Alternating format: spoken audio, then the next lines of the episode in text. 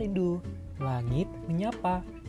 Ini adalah tempat di mana aku akan berbagi cerita, pesan, dan tips untuk kamu yang lagi dalam fase remaja ataupun sedang menuju. Berisikan kisah nyata dan juga pesan tersirat sebagai pelajaran hidupmu yang berharga. Selamat mendengarkan.